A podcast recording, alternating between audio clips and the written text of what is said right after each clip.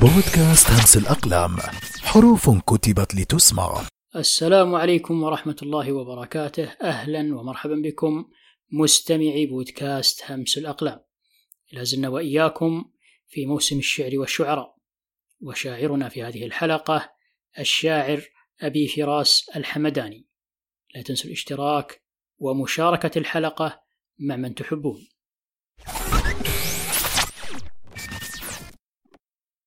أبو فراس الحمداني اسمه الحارث بن سعيد بن حمدان الحمداني التغلوي من مواليد القرن الرابع الهجري وبالتحديد في العام 320 للهجرة. يرجع نسب الحمداني إلى بني حمدان التي ترجع إلى تغلب وهي من القبائل العربية العريقة. جاءت من اليمن السعيد واستقرت أول الأمر في الحجاز ثم عند حدود الشام ثم انتقلت إلى موصل العراق. ولد الحمداني في أسرة مرفهة حيث كان أبوه سعيد بن حمدان واليا على مدينة الموصل. وقد قتل ولما يكمل أبو فراس عامه الثالث بسبب النزاعات العشائرية والسياسية آنذاك. وبقي وحيدا لأمه التي كانت على ما يبدو جارية رومية. من جهة أخرى فإن أبا فراس ابن عم سيف الدولة الحمداني وقد زوجه سيف الدولة من أخته بعد أن أسست حكومته في حلب السورية. وعلى الرغم من نشأة الحمداني يتيما فإن والدته الرومية كانت قد ربته على فضائل العرب وشيمهم فأصبح فارس ميدان العقل والفراسة والشجاعة والرياسة وجمع بين ريادة الشعر وقيادة العسكر. كونه يمتاز بهيبة الأمراء ولطف الشعراء ومفاكهة الأدباء. كما استفاد أبو فراس من صلة قرابته بسيف الدولة وحصل وفقا لذلك على رعاية كبيرة منه خصوصا في مجال التعليم فضلا عن الفروسية ناهيك عن استفادته من مجالس العلماء والأدباء ممن كان يجتمع في أروقة بلاط سيف الدولة. وعلى رأس هؤلاء الأدباء ابن خالويه الذي أصبح فيما بعد راويا لشعر أبي فراس وشارحا لديوانه. ولقد تحلى أبو فراس بأخلاق حميدة وفاضلة ميزته عن غيره وكانت سببا في غيرة الكثيرين منه بل وحسدهم له. فقد كان ذا نفس نقية وعفيفة ولم تقده أهواؤه إلى الرذيلة فلم يكن يقترب من الشرب والمجون. فأتى شعره متسما بفضائل الأخلاق وعبر عن عفة نفسه في الأبيات الآتية لأن خلق الأنام لحسو كأس ومزمار وطنبور وعود فلم يخلق بنو حمدان إلا لمجد أو لبأس أو لجود. تدرج أبو فراس في عدة مناصب سياسية وعسكرية فضلا عن الأدبية وذلك منذ فترة شبابه حيث صار حاكما على مدينة منبج وهو لم يكمل بعد السابعة عشر من عمره فضلا عن اشتغاله بجانب سيف الدولة أثناء حروبه المتواصلة مع الروم والمناوئين له من العرب. حتى أنه حوصل ذات مرة أثناء رحلة من رحلات صيده من الجيش الرومي وصار أسيرا لديهم لفترة طويلة وهو ما دعا والدته لمناشدة سيف الدولة ليجد حلا لإطلاق سراح ابنها وكتب وهو في الأسر كثيرا من القصائد التي عرفت فيما بعد بالروميات وسميت كذلك لأنه كتبها أثناء أسره لدى الروم ومنها أبياته الشهيرة. أقول وقد ناحت بقرب حمامة أيا جارة هل تشعرين بحالي؟ معاذ الهوى ما ذقت طارقة النوى ولا خطرت منك الهموم ببالي؟ أتحمل محزون الفؤاد قوادم على غصن الناء المسافة عالي. أيا جارة ما أنصف الدهر بيننا. تعالي أقاسمك الهموم تعالي. تعالي تري روحا لدي ضعيفة. تردد في جسم يعذب بالي. أيضحك مأسورا وتبكي طريقة. ويسكت محزونا ويندب سالي. لقد كنت أولى منك بالدمع مقلة ولكن دمعي في الحوادث غالي. ولقد تم افتداء وتحرير أبي فراس من قبل سيف الدولة وبعد مضي سنة على خروجه من الأسر توفي سيف الدولة وكان لسيف الدولة مولا اسمه قرغويه. طمع في التسلط فنادى بابن سيده أبي المعالي أميرا على حلب أملا أن يبسط يده باسم أميره على الإمارة بأسرها. وأبو المعالي هو ابن أخت أبي فراس. أدرك أبو فراس نوايا قرغويه فدخل مدينة حمص فأوفد أبو المعالي جيشا بقيادة قرغويه فدارت معركة قتل فيها أبو فراس. ولم تكن هذه النهاية المؤلمة مما تمنى أبو فراس بل كانت المأساة المرة التي خلدها في أبياته السائرة المطربة المبكية التي أصبحت أيقونة الأسير وسلوة المغترب ودعوة المظلوم أيا كان حينما راسل ابنته الصغيرة قبل موته قائلا أبنيتي لا تجزعي كل الأنام إلى ذهابي أبنيتي صبرا جميلا للجليل من المصاب نوحي علي بحسرة من خلف سترك والحجاب قولي إذا كلمتني وعجزت عن رد الجواب زين الشباب أبو فراس لم يمتع بالشباب. مات أبو فراس ولم يمت ذكره فهو القائل هو الموت فاختر ما علا لك ذكره فلم يمت الإنسان ما حي الذكر.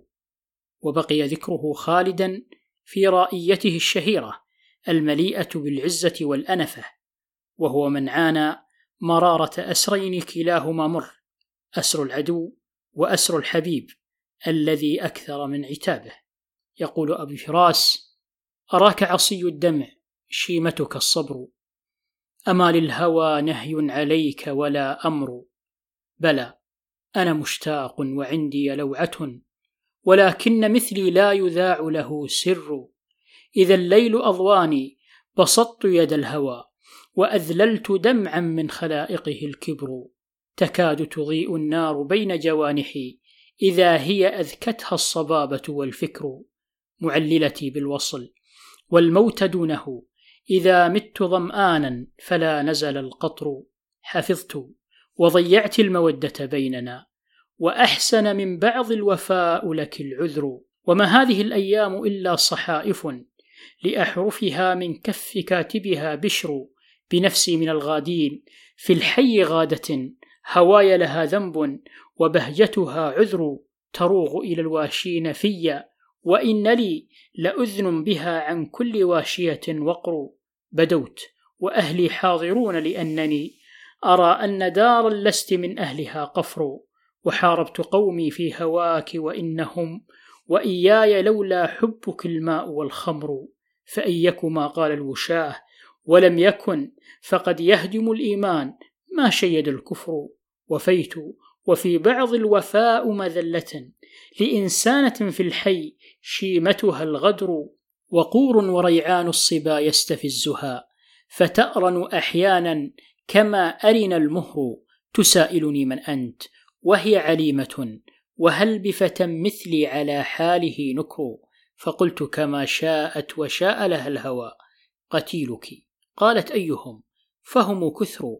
فقلت لها لو شئت لم تتعنتي ولم تسألي عني وعندك بي خبر فقالت لقد أزرى بك الدهر بعدنا. فقلت معاذ الله بل أنت للدهر وما كان للأحزان لولاك مسلك. إلى القلب لكن الهوى للبلا جسر. وتهلك بين الهزل والجد مهجة. إذا ما عداها البين عذبها الهجر. فأيقنت ألا عز بعدي لعاشق وأن يدي مما علقت به صفر. وقلبت أمري لا أرى لي راحة إذا البين أنساني ألح بي الهجر فعدت إلى حكم الزمان وحكمها لها الذنب لا تجزى به ولي العذر كأني أنادي دون ميثاء ظبية على شرف ضمياء جللها الذعر. تجفل أحيانا ثم ترنو كأنها تنادي طلا بالواد أعجزه الخضر. فلا تنكريني يا ابنة العم إنه لا يعرف من أنكرته البدو والحظر ولا تنكريني إنني غير منكر إذا زلت الأقدام واستنزل النصر وإني لجرار لكل كتيبة معودة ألا يخل بها النصر وإني لنزال بكل مخوفة كثير إلى نزالها النظر الشزر فأظمأ حتى ترتوي البيض والقنا وأسغب حتى يشبع الذئب والنسر ولا أصبح الحي الخلوف بغارة ولا الجيش ما لم تأته قبلي النذر ويا رب دار لم تخفني منيعة طلعت عليها بالردى أنا والفجر وحي رددت الخيل حتى ملكته هزيما وردتني البراقع والخمر وساحبة الأذيال نحوي لقيتها فلم يلقها جاف اللقاء ولا وعر وهبت لها ما حازه الجيش كله ورحت ولم يكشف لأبياتها ستر ولا راح يطغيني بأثوابه الغنى ولا بات يثنيني عن الكرم الفقر وما حاجتي بالمال. أبغي وفوره إذا لم أفر عرضي فلا وفر الوفر. أسرت وما صحبي بعزل لدى الوغى ولا فرسي مهر ولا ربه غمر ولكن إذا حم القضاء على امرئ فليس له بر يقيه ولا بحر. وقال أصيحاب الفرار أو الردى فقلت هما أمران أحلاهما مر ولكنني أمضي لما لا يعيبني وحسبك من أمرين خيرهما الأسر. يقولون لي بعت السلامة بالردى فقلت أما والله ما نالني خسر وهل يتجافى عني الموت ساعة؟ إذا ما تجافى عني الأسر والضر هو الموت فاختر ما على لك ذكره. فلم يمت الإنسان ما حي الذكر ولا خير في دفع الردى بمذلة. كما ردها يوما بسوءته عمرو يمنون أن خلوا ثيابي وإنما علي ثياب من دماؤهم حمر.